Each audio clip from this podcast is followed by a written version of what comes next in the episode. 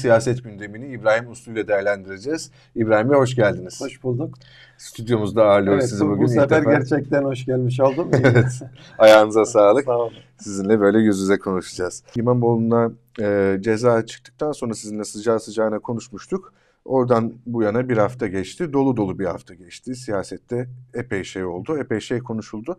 Bugün istiyorum ki bu bir adım geriye çıkıp bu bir hafta yaşananların bir muhasebesini, durum tespitini yapalım sizinle. Muhalefet içerisinde yaşananları da ayrıca konuşacağız ama yaşanan birçok şeyi şöyle bir bütünüyle ele alarak başlayalım isterseniz. İmamoğlu'na getirilen yasaktan sonra YSK Başkanı'nın mülakatı oldu, İçişleri Bakanı'nın mülakatı oldu. Bugün en sıcak gelişme İçişleri Bakanlığı'nın İstanbul Büyükşehir Belediyesi'nin personel alımı ile ilgili bu terör soruşturması kapsamında raporu e, Cumhuriyet Başsavcılığına ulaştığı söylendi. Bunun üzerine de İmamoğlu ve Kaftancıoğlu Saraçhane'de ortak bir açıklama yaptılar. Şimdi bu İmamoğlu'na verilen ceza ve bunun paralelinde gelişen, iktidarın sertleşen siyasetini nasıl yorumluyorsunuz? Nereye doğru evrileceğine dair sinyaller görüyorsunuz? Yani tabii bu son bir haftada yaşanan şeyler normal şartlar altında bir işte şeye hani demokrasi festivali olması gereken seçim sürecine e, falan e, çok uygun mütenasip gelişmeler değil. E, aslında süreç şeyle başladı. Bu, bu Deva Partili e, görevlilere bıçaklı saldırıyla başladı. O çok hafif geçti çünkü gündem bir anda çok yoğunlaştı ama vahim bir olaydı. Şimdi sokakta e, esnaf ziyareti yapan e, bir şeye e, insanlara birisi bıçakla saldırıyor. E, şimdi seçim zamanı boyunca herkes bütün partilerin teşkilatları sokaklarda olacak. Bunlar karşılaştığında farklı partilerin teşkilatları, konvoyları vesaireleri ne olacak şimdi? E, bundan önce çok az sayıda tekil olay olurdu e, ve bizim şey o kampanya sürecimiz gerçekten büyük bir demokratik coşku içinde geçerdi. Yani benim hatırladığım dönemlerde 12 Eylül öncesinde dahil olmak üzere çoğunlukla böyle bir şey yani e, olması gerektiği gibi demokratik olgunluk içerisinde, hoşgörü içerisinde hatta sonra güzel bir gelenek başladı. Liderler şey rakip partilerin seçim bürolarını falan ziyaret ettiler. Adaylar Hatta daha sonra ben çok sayıda ilde şahit oldum. Diğer partilerin, diğer adayın seçim bürosunu ziyaret etti. Oturdular, çay içtiler, sohbet ettiler falan. Dolayısıyla o şeyde tam bir demokrasi festivali gibi seçim kampanyalarının geçmesine neden oluyordu. Ama bu sefer daha seçim kampanyaları başlamadan yani kan aktı. Yani evet can kaybı yok ama sonunda kan aktı. O yüzden hani bu, bu çok şey kötü bir sinyal. Arkasından e, Sayın İmamoğlu ile ilgili mahkeme kararı, arkasından sizin de belirttiğiniz gibi e, İçişleri Bakanı'nın açıklamaları, Yüksek e, Seçim Kurulu Başkanı'nın açıklaması. E, şimdi Yüksek Seçim Kurulu Başkanı herhangi bir hukukçu gibi kanaat açıklayamaz çünkü sonunda onun göreceği ve karar vereceği bir dava ve buna hukukta ihsas rey deniyor. İhsas rey falan değil bu. İlan rey yani. İhsas evet. falan etmiyor. İhsas hani böyle hissettirmek falandan geliyor bu. Yani ima edersiniz de biz de anlarız ona ihsas deniyor. Bu doğrudan deklar ediyor. Şey reyinin ne olacağını. Hatta mazbatayı almış olsa bile fark etmez diyor yani. Bırak adaylık sürecinde falan bir gelecek bir kararı mazbatayı almış olsa bile tıpkı ne zaman olduğu gibi aslında 2019 yerel seçimlerinde olduğu gibi. Orada da mazbatasını almıştı Sayın İmamoğlu. Göreve başlamıştı. Ee, ve görevinin başındayken bir gün e, şey sen artık belediye başkanı değilsin dendi. Hmm, dolayısıyla aynı şeyi tekrar söyledi. Arkasından Yargıtay Cumhuriyet Başsavcısı HDP'nin hesaplarının e, dondurulması ile ilgili bir şey başvuruda bulundu. E, arkasından da bu şey e, terör soruşturması ile ilgili e, ülke müfettişliğinin ya da müfettişlerinin e, raporunun işte savcılığa ulaştığı bilgisi teyit edildi. Şimdi o Sayın Soylu hatırlayacaksınız bu terör soruşturması ile ilgili bir basın toplantısında ayrıntılı istatistikler vermişti. Kaç AK Partili belediye, kaç e, CHP'li belediye falan diye. Orada çok sayıda rakamı tam hatırlamıyorum ama onlarca belediyede evet, bu İstanbul'da sınırlı değil yani. Değil evet. Onlarca belediyede bu soruşturmanın CHP'li belediyede e, aslında Millet İttifakı'nın belediyesinde yani öyle demek lazım. Hı hı. Bu soruşturmaların sürdürüldüğünü biliyoruz. Şimdi e, yani biz hani bundan sonra e, birkaç günde bir şu belediye içinde, bu belediye içinde bu e, dosyaların savcılığa gönderildiği bilgisini de duyabiliriz yani. Dolayısıyla hani bu sinyallere baktığınızda bunların tamam bir hafta içerisinde oldu. Evet. Ee, bir, bir haftada bunca olayın yaşanması e, gerçekten olağan ve hani bırakın hani başka İsveç'i, Norveç'i falan filan Türkiye'de bile e, seçim şey. dönemlerinde e, karşılaştığımız şeyler değil. E, o yüzden de bunlar e, yani biraz insana işin doğrusu en azından bana e, kötümserlik vermiyor değil. E, Evet. Çünkü böyle başladıysa hani bu nasıl daha önümüzde 6 ay var. Tabii en az 5 ay desek yani dediğiniz gibi bir hafta da bunlar Evet, oluyorsa yani 5 ayda neler olur endişesi.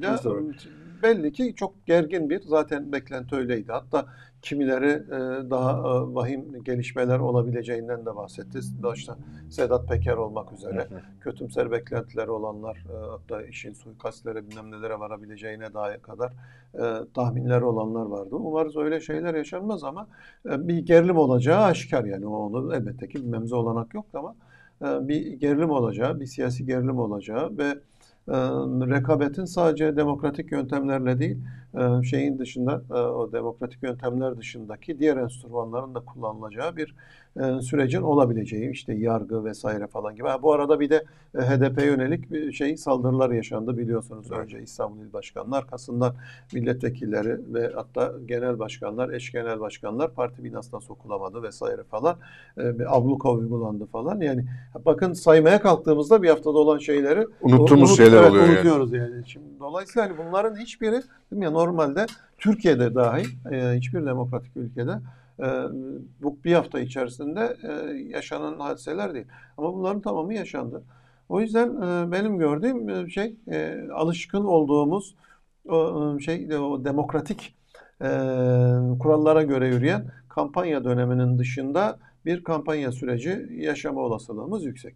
Yani hatta e, demokratik olmayan yollardan da öte yani neredeyse seçime doğru giderken siyasetin siyaset zemininin topyekün ortadan kaldırıldığı, siyasetsizleştirilen bir seçim sürecine gidiyor gibiyiz. Ama biz yine de tabii e, elimizden geldiğince siyasete e, odaklanalım. Yapacak başka bir şey yok çünkü o yani o diğerleri artık hani en azından benim uzmanlığımı e, aşan bir şey.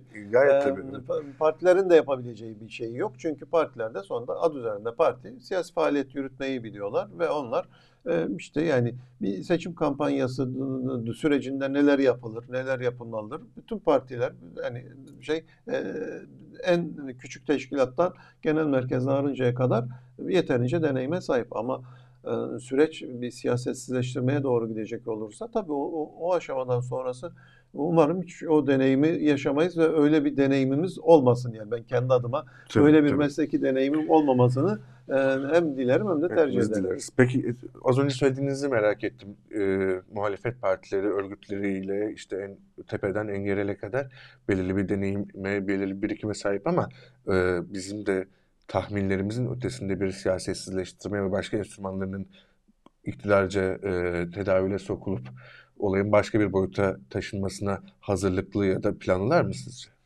Değiller tabii böyle bir şey. Çünkü, çünkü bir e, bunun olup olmayacağını kimse bilemez. E, ikincisi böyle bir şey olduğunda yapabileceğiniz aslında çok fazla bir şey de yok. E, yani işte yani habire yargı kararlarıyla eliniz kolunuz bağlanıyorsa işte normal propaganda faaliyetleriniz e, bir şekilde e, engelleniyorsa çeşitli gerekçelerle vesairelerle yani işte yürüyüş yapamıyorsunuz. Esnaf ziyareti yapamıyorsunuz. Sizin güvenliğinizi sağlayamayız diyorlar mesela. Birileri saldırıyor falan. Sokakta karşılaştığınız parti konvoyları falan aralarında ciddi gerilimler yaşanıyorsa ne yapılabilir ki yani? Yani Evet. bu bir şey. E, o tür zamanlarda insanların yapacağı bir şey kalmıyor yani. E, umarız öyle şeyler olmaz ama işte İstanbul'un göbeğinde bu oldu yani. Kan aktı ve çok hafif geçildi. Ee, ama biri e, bıçakla e, sadece esnaf ziyareti yapan partililere saldırdı. Yani hani hani konvoylar, marşlar, çalmalar, yürüyüşler falan. Çünkü partiler bu tür e, aktiviteler de yapıyorlar. Ee, yani bir şey söyledi de tahrik oldum falan filan yani ne söylerse söylesin tabii böyle bir şey yapmaya kimsenin hakkı yok. Ama işte bunlar yaşanıyor maalesef ülkemizde. Ee, Daha önce de yaşandı bir iki kere böyle bu tür şeyler, gerilimler oldu ama çok çok sınırlı e, ve e, daha küçük olaylar şeklinde kaldı. Ee, Bir hatırladığımız HDP mitinginde bomba patlaması olayı var. Bir önceki seçimde. Ee, onun dışında da böyle çok üzücü hadiseler yaşanmadı seçimlerimizde. Bazen e, yine kaç e, seçim yılıydı hatırlamaya çalışıyorum şimdi. 2014 ee, yerel seçimlerinde galiba. 2014'te olması lazım. Bir köyde muhtarlık tartışması yüzünden çok sayıda insan hayatını kaybetmişti. Yaralılar falan vardı. Silahlı çatışma çıkmıştı falan. Böyle şey e, olaylar oluyordu ama yani çok küçük bir lokasyonda zaten dibi siyasi bile değil. Yani e, şey iki aile muhtarlık kavgası yüzünden birbirlerine silah çekmişlerdi falan. Ama bir ideolojik bir çatışma falan Türkiye'de uzun zamandır yani fiilen şeye fizik şiddete dönüşen bir ideolojik çatışma yaşanmıyor Türkiye'de. Partiler arasında ve parti tabanları arasında bu Türkiye'nin bence yani yüz akı bir şeydi, bir durumdu. Umarız bundan sonra da bu tablo devam eder. Ama e, dedim ya yani şeye gerilimin dozajına baktığınızda insanın kaygıları da artmıyor da değil. Evet. Peki biz e, siyasetteki diğer gelişmelere odaklanalım. E, bir haftadır en çok konuşulan şeylerden bir tanesi İmamoğlu'na verilen cezadan sonra muhalefet içerisindeki dinamiklerin nasıl değiştiği ve nelere gebe olduğu. Biz de buna bakalım. E, birçok şey oldu şimdi. Teker teker e, uzun uzun ayrıntıya girersek zamanımız yetmeyecek ama kabaca ben size şunu sorayım. Hatta şundan hareketle sorayım. Siz de bir tweet attınız. Dün ya da versi gün yanlış hatırlamıyorsam hemen açayım. Şöyle diyorsunuz. Bu e, İmamoğlu, Kılıçdaroğlu tartışmalarına e, ilişkin olarak. Siyasete çok yakın görünenler sert kopuşlar yaşayabiliyor. Erbakan Erdoğan veya Erdoğan Davutoğlu gibi. Kılıçdaroğlu İmamoğlu arasında bir kopuş yaşanması ise pek mümkün değil. İkisi de risk altında ve birbirlerine ihtiyaçları var. İktidar onları kader birliği yapmaya zorluyor demişsiniz. Evet. Bunu biraz açalım isterseniz. Yani şimdi bu yaşananlar sonucunda e, İmamoğlu ve Kılıçdaroğlu arasındaki e, rekabet ve e, münakaşa diyelim e, durulmuş gibi gözüküyor. Artık e, özellikle grup toplantısında evet. verilen evet. E, pozlarla ve söylenen demeçlerle baba oğul gibi izledi Kılıçdaroğlu. E, bunu olumladı İmamoğlu. Adayımız Kılıçdaroğlu'dur dedi vesaire. Şimdi o zaman CHP'nin pozisyonu ve bu figürlerin pozisyonu altılı masa içerisinde ve genel olarak muhalefet içerisinde. Artık bu e, sular duruldu ve bir parti içerisindeki e, bütün münakaşa bitti ve artık sorunsuz bir şekilde devam edecek mi? Nasıl öngörüyorsunuz? Bundan sonra da tartışmalar olabilir. Şimdi orada öyle kritik olan faktör şu. Bir, öyle iddialar vardı ki yani o ilk gün mitingdeki Kemal Kılıçdaroğlu'nun olmadığı ama Sayın Akşener'in olduğu mitingde mitingdeki görüntülere bakarak hatta onun öncesindeki o kucaklaşma görüntülerine falan bakarak çok sayıda biliyorsunuz şey e, niyet okuma e, şeyi yapıldı, seansı tabii, yapıldı tabii. Türkiye'de. Her programda aşağı yukarı Ataspor ve çok sayıda çok okuma. sayıda şey köşe yazısında bu yine kullanıldı. E, anlatılan özetle şuydu. E, İmamoğlu Akşener'le daha fazla yakınlaşacak dolayısıyla İyi Parti ile ve gerekirse kendi partisine rağmen e, işte şeyin İyi Parti'nin destekleyeceği bir aday olarak ortaya çıkacak. Dolayısıyla da masa aslında dağılacak ve muhalefet tek aday üzerinde uzlaşamayacak. İki tane aday çıkacak. E, o yüzden de bu görüntüler, bu karar kime yaradı, kime kaybettirdi sorularını bana en az 4-5 ayrı televizyon programında sordular. E, şimdi bense tersini söylüyorum. Diyorum ki iktidar öyle bir baskı kuruyor ki muhalefet partilerinin ve muhalefet içerisinde yer alan aktörlerin birbirleriyle tırnak içerisinde didişebilme, kavga edebilme ve birbirlerine rağmen bazı adımlar atabilme imkanı yok. Hani isteseler de bunu yapamayacaklar. bu lüksü işte, ortadan kaldırıyorlar. E, bu evet bu bu imkanı ortadan kaldırıyorlar. Çünkü çok büyük bir tazik var üzerlerinde. Yani geçen hafta bundan bir hafta önce bir mahkeme kararı geldi. Dün gece tam hafta dolmak üzereyken çarşamba günü çıkmıştı değil mi şey karar? Evet. evet çarşamba günü çıkmıştı. Dün gece yine çarşamba gecesi biz bu sefer yine şey bir savcılığa akseden e, biz bu sefer terör soruşturmasını öğrenmiş olduk. Dolayısıyla bir hafta içerisinde iki kere Sayın İmamoğlu'nun e, hem kariyeri hem belediye başkanlığı e, hem e, şeyi özgürlüğünü falan tehdit eden gelişmeler yaşanıyor. Yaşandı. Şimdi böyle bir risk altındaysanız siz Türkiye'nin en güçlü, en köklü partisinden kopup sırf e, muhayyel e, bir şey için, e, aday adaylığı için ya da adaylık için kendi partinizle ve liderinizle kavga eder misiniz? Şimdi bu ciddi ciddi iddia edildi. E, Bense yani bunun mümkün olmayacağını çünkü e, ortamın e, aynı tarafta olması gerekenler arasında e, rekabet edilebilecek kadar özgürlük sunmadığını, üzerlerinde büyük bir baskı olduğunu, bu baskı yüzünden de muhalefet bloku içerisindeki herkesin kader birliği yapmak zorunda kalacağını düşünüyorum.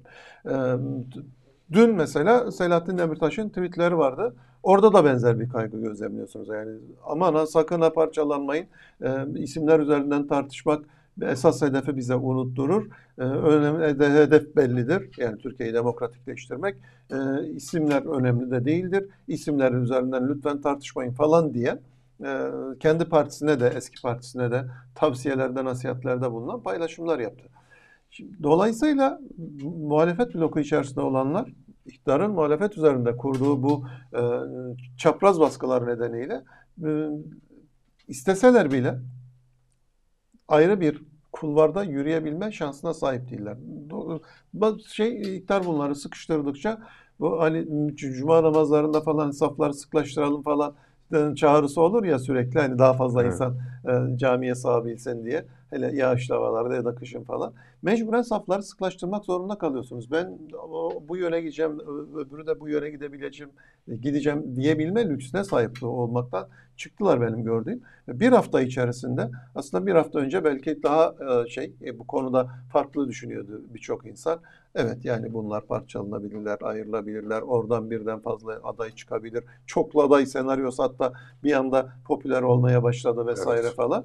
E, Yani bugün e, bunun çoklu adayın vesairenin artık mümkün olmayacağı bence e, daha fazla insan tarafından kabul ediliyordur. Ben başından beri mümkün olmadığını düşünenlerdenim. E, Ama geldiğimiz yani bir hafta içerisinde yaşananlara baktığınızda muhalefetin böyle yani bunu çok istese bile yapabileceği atmosferin olmayacağını ben düşünüyorum. E, Onu yazmaya çalışmıştım. Evet, muhalefetin arayıp da bulamadığı konsolidasyon sağlanmış oldu şartlardan ötürü belki de. Me- Mecburiyetten. Mecburiyetten evet. Mecburi haklısınız. konsolidasyon. Evet gerçekten öyle. Ama bütün bunlara rağmen e, İyi Parti ile CHP arasındaki gerginliği e, konuşulmaya devam ediliyor. E, sizin de az önce söylediğiniz gibi zaten bir taraftan da iktidarın e, sürekli vurguladığı oraya doğru işte tabiri caizse olta attığı bir mevzuya dönüştü. Hatta Erdoğan da grup toplantısında e, işte başka ebeveynler arıyor galiba seninki falan dedi. Parçalandılar, parçalanmak üzereler falan şey. Evet, e, tabii yani iktidarı bunu söylemesi de çok doğal bunun üzerinden bir propaganda yapması. Siz peki dün e, Akşener'in e, grup toplantısındaki konuşmasını izlemişsinizdir. Tabii tabii izledim. Özellikle son bölümü. Mesela o son bölümünün dibine imza atmayacak bir tek şey kendini muhalefette Evet. hisseden e, insan yoktur benim tahminim. E, dün m, Sayın Akşener'in e, Kılıçdaroğlu'nun e, işte iç işlerimize karışmayın falan çıkışlarına yanıt vereceği bir şekilde yani direkt ya da indirekt yanıt verebileceği yönünde tahminler vardı. Evet. E, öyle yazılar da vardı yanlış hatırlamıyorsam işte. Evet, Çarşambayı bekleyin. Evet. e, Meral Hanım yanıt verecek. Şimdi de yarın sanırım falan. Fox TV'ye çıkacakmış. Orada yanıt vermesi bekleniyor diye birkaç yorum gördüm. Ama dünkü konuşmasının özellikle o son bölümü yani o ilk başlarda çünkü ekonomiyle ilgili e, Eskişehir'de yanlış hatırlamıyorsam hayatını kaybeden Evet. açlık nedeniyle e, kız çocuğuyla ilgili falan uzun bir bölüm var. E, Sonra işte son bir haftanın gelişmelerine geldiğinde söyledikleri dedim ya onun altına imza atmayacak şey kendini muhalif hisseden hiç kimse yoktur. Dolayısıyla herkesin ortak duygularını dile getirdi ve orada bir yanıt vermedi. Hele bugünkü gelişmeden sonra ben şeyin e, İyi Parti'nin de e, çemberin sıkılaşma şey e, daralmakta olduğunu ve e, burada kimsenin bağımsız hareket etme lüksüne sahip olmadığı ve e, safları daha da sıklaştırmanın e, sıklaştırmanın tek mücadele yöntemi olacağı konusunda bence herkeste bir farkındalık gelişecek. Çünkü eğer alıştığımız e, demokratik kampanya süreçleri olmayacaksa, daha gerilimli geçecekse, e, o zaman böyle bir zamanda e, ortaklarınızla ilişkilerinizi daha sıkı tutarsınız ve böyle bir güç karşısında Yani sadece bir karşınızda iktidar partisi var. Onun işte çok sayıda seçmeni var falan. Böyle bir şeyden bahsetmiyoruz yani. Şu son bir haftada alınan kararlara baktığınızda hiçbiri siyasetle ilgili. Siya- e, tamam siyaset dışı şeyler gelişmeler Evet. yani. E, hukuk, devlet gücü vesaire falan. e, bunlar üzerinden yürüyor süreç. Şimdi bu durumda muhalefet partilerinin yapabilecekleri geriye tek şey kalıyor. Aralarındaki dayanışmayı, işbirliğini güçlendirmek ve birlikte mücadele etmek. E, Kimin başına ne gelirse ona karşı e, ortak duruş gösterebilmek e, ve işte seçim sürecini sağ salim atlatabilmek. Ama bu- arada ben hiçbir partinin böyle bir tutumunun olmasına ihtimal vermiyorum. Çok akıl dışı bir tutum olur. Kendine de zarar vermiş olur aynı zamanda. O yüzden İyi Parti'nin e, şey e, İyi Parti en işte bu acaba koptu mu kopacak mı tartışmaların olduğu zamanlarda bile Sayın Akşener'in ağzından biz defalarca ne pahasına olursa olsun o masadan kalkmayacağım dediğini biliyoruz. Şimdi Evet. evet farklı fikirleri var. Yani bunu söylüyor da zaten. Onu da şeffaf bir biçimde söylüyor. Yani kapalı kapılar ardında söylüyor da kulis bilgilerinden duymuyoruz biz. Hepsini kameraların can- gözü önünde canlı yayında falan duyuyoruz. Dolayısıyla aslında şeffaf davranıyor. Ben e, kimisi hani bunu kapalı kapılar ardında konuşun falan diyorlar. Evet o da bir yöntem. Ama e, bunu şeffaf biçimde yapıyor olması, dedikodu bilgilerine, kulis bilgilerine dayalı olarak hani İYİ Parti'de şöyle düşünüyormuş, Akşener'in de şöyle itirazlar varmış şeklinde daha da kafa karıştıracak yazılar çıkmasındansa şey tutumunu net bir biçimde ortaya koyması bence daha sağlıklı bir şey. Çünkü biliyorsunuz kendi kulaklarımızla duyduk ve kendi meramını kendisi anlatıyor. Yani araya bunun ne kadarı Sayın Akşener'e ait, ne kadarı raviye, rivayet edene ait falan onu kestiremeyeceğimiz bir sürü spekülatif şey boyutu olacaktı. Şimdi evet diyor ben farklı düşünüyorum. Şunlar olursa olur, şura olmaz. Şuna itiraz ederim diyor falan. E, Ama sonunda da diyor ki ben o masadan asla kalkmayacağım. Her seferinde aynı şeyi söylüyor. Şimdi masanın otoritesini tanıdıktan sonra farklı fikirlerin olmasını ben bir kriz şeyi sebebi olarak görmüyorum. Ee, Birden fazla adayın olmasını da bir kriz sebebi olarak görmedim hiçbir zaman. Bunu bir zenginlik olarak görüyorum. Zaten partiler böyle şeyler olacağını öngördükleri için daha ilk e, oturum şey bir buluşmaya başladıkları günlerden itibaren bize hep şunu söylediler. Bizler farklı partileriz. Bir sürü konuda birbirimizden farklı görüşlerimiz var. Ama uzlaştığımız konular da var. Şimdi uzlaşı konularımız üzerinden işte e, uzlaştığımız konulardan biri Türkiye'de daha demokratik bir ortam yaratılması. Onun da yolu güçlendirilmiş parlamenter sistem. Bunu çalışmaya başladık. O bitti. E, Başka bir şey. ye- Yeni anayasa, anayasal reformlar geldi. O bitti. E, Ortak hükümet programının çalışması yürütülüyor. İşte önümüzdeki günlerde açıklanacak. E, Ocak ayı içerisinde muhtemelen açıklanacak. Benim tahminim 5 Ocak'taki e, Toplantı. toplantıda e, onun formatı e, şey, hem açıklanacak metnin son hali hem de toplantının formatı şekillendirilecektir. Muhtemelen o toplantıda ortak hükümet programının açıklanacağı tarihi de duyurabilirler. Tıpkı bundan önce duyurdukları gibi. Dolayısıyla orada bir süreç yürüyor ve herkes o masanın kararına e, sadık. Yani işte e, Ekrem İmamoğlu ile Kemal Kılıçdaroğlu arasında da bir gerilimden bahsediliyordu. Fakat her ikisi de zaten niyetlerini açıkça sö- söylüyorlar. Evet. Ama sonunda her ikisi de aynı şeyi ekliyor. Diyor ki masa Karar aday verecek. gösterse, masa karar verirse tek karar verici masa diyor. Dolayısıyla burada kritik faktör ben masayı falan tanımam arkadaş. Yani masada yanlış yapıyor. Ben falanca yoldan gideceğim, şu yoldan gideceğim diyor mu demiyor mu? Bence bunu demediği sürece e, partiler arasındaki işbirliği önümüzdeki süreçte daha da güçlenir. çözülecek. Ama farklı fikirler bundan sonra da olur mu? Olur. Hükümet kursalar da farklı fikirler olacak Olmaz yani. zaten Olmalı zaten. Evet, mi? e, olmalı da zaten. Çünkü o bir zenginlik. Yoksa e, herkesin aynı düşün şeyi düşündüğü yani o, o yapıların isimleri demokrasi falan olmuyor. Tabii. Başka başka isimlerle anlıyoruz o, o tür yapıları biz. Evet. Kaldı ki dediğiniz gibi zaten muhalefet içerisindeki aktörlerin hemen hemen hepsi niyetini, tavrını, e, düşüncesini açık açık söylüyor. Açık, yani burada evet. hiç gizli kapaklı Yani komplo teorisi subliminal mesajlar yok, falan öyle. yok yani Herkes aslında. komplo teorisiyle açıklamaya çalışıyor. Biraz seviyoruz onu. Evet. Zaten açıkça söylüyorlar. Şimdi açıkça zaten söylediği bir şeyi bir komplo teorisine dönüştürüp sonra komplo teorisiyle biz onun açıkça söylediği şeyi bir daha söylüyoruz. ve ona yakıştırıyoruz. Zaten Evet. açıkça söyledi yani. Hani komplo aramaya gerek yok. Ee, Bundan aylar önce Fatih Altaylı'nın ilk programında zaten Meral Hanım şey yaklaşımını çok net bir biçimde açıkladı. Sonraki programlarda onu tekrar etti. İlave bir şey söylemedi aslında. Şimdi bundan sonra bir sürü televizyon programına çıkacaktır. Orada da ha, bazı önceden öyle düşünüyordum ama şimdi koşullar değişti. O yüzden artık şöyle düşünüyorum diyebilir mi? Diyebilir. Benim de kanaatlerim değişti. Yani şu son bir haftayı gördükten sonra. Bundan sonra gördüğümüz başka olaylardan sonra başka düşüncelerimizi güncelleyebiliriz. Bu da insani bir şey. Doğru. Ama yani bütün bunlar normal ve siyasetin doğasında olan şeyler. Ne zaman e, komplo teorisi üretmeye başlayalım? Adaylardan, aktörlerden ya da partilerden biri kalkıp bu masa e, bizim elimizi kolumuzu bağlıyor. Bu artık bu, bunun şeyi misyonunu doldurdu. E, biz burada e, hani bir çaba yürüttük ama bu masayla daha fazla yol yürümemiz mümkün değil.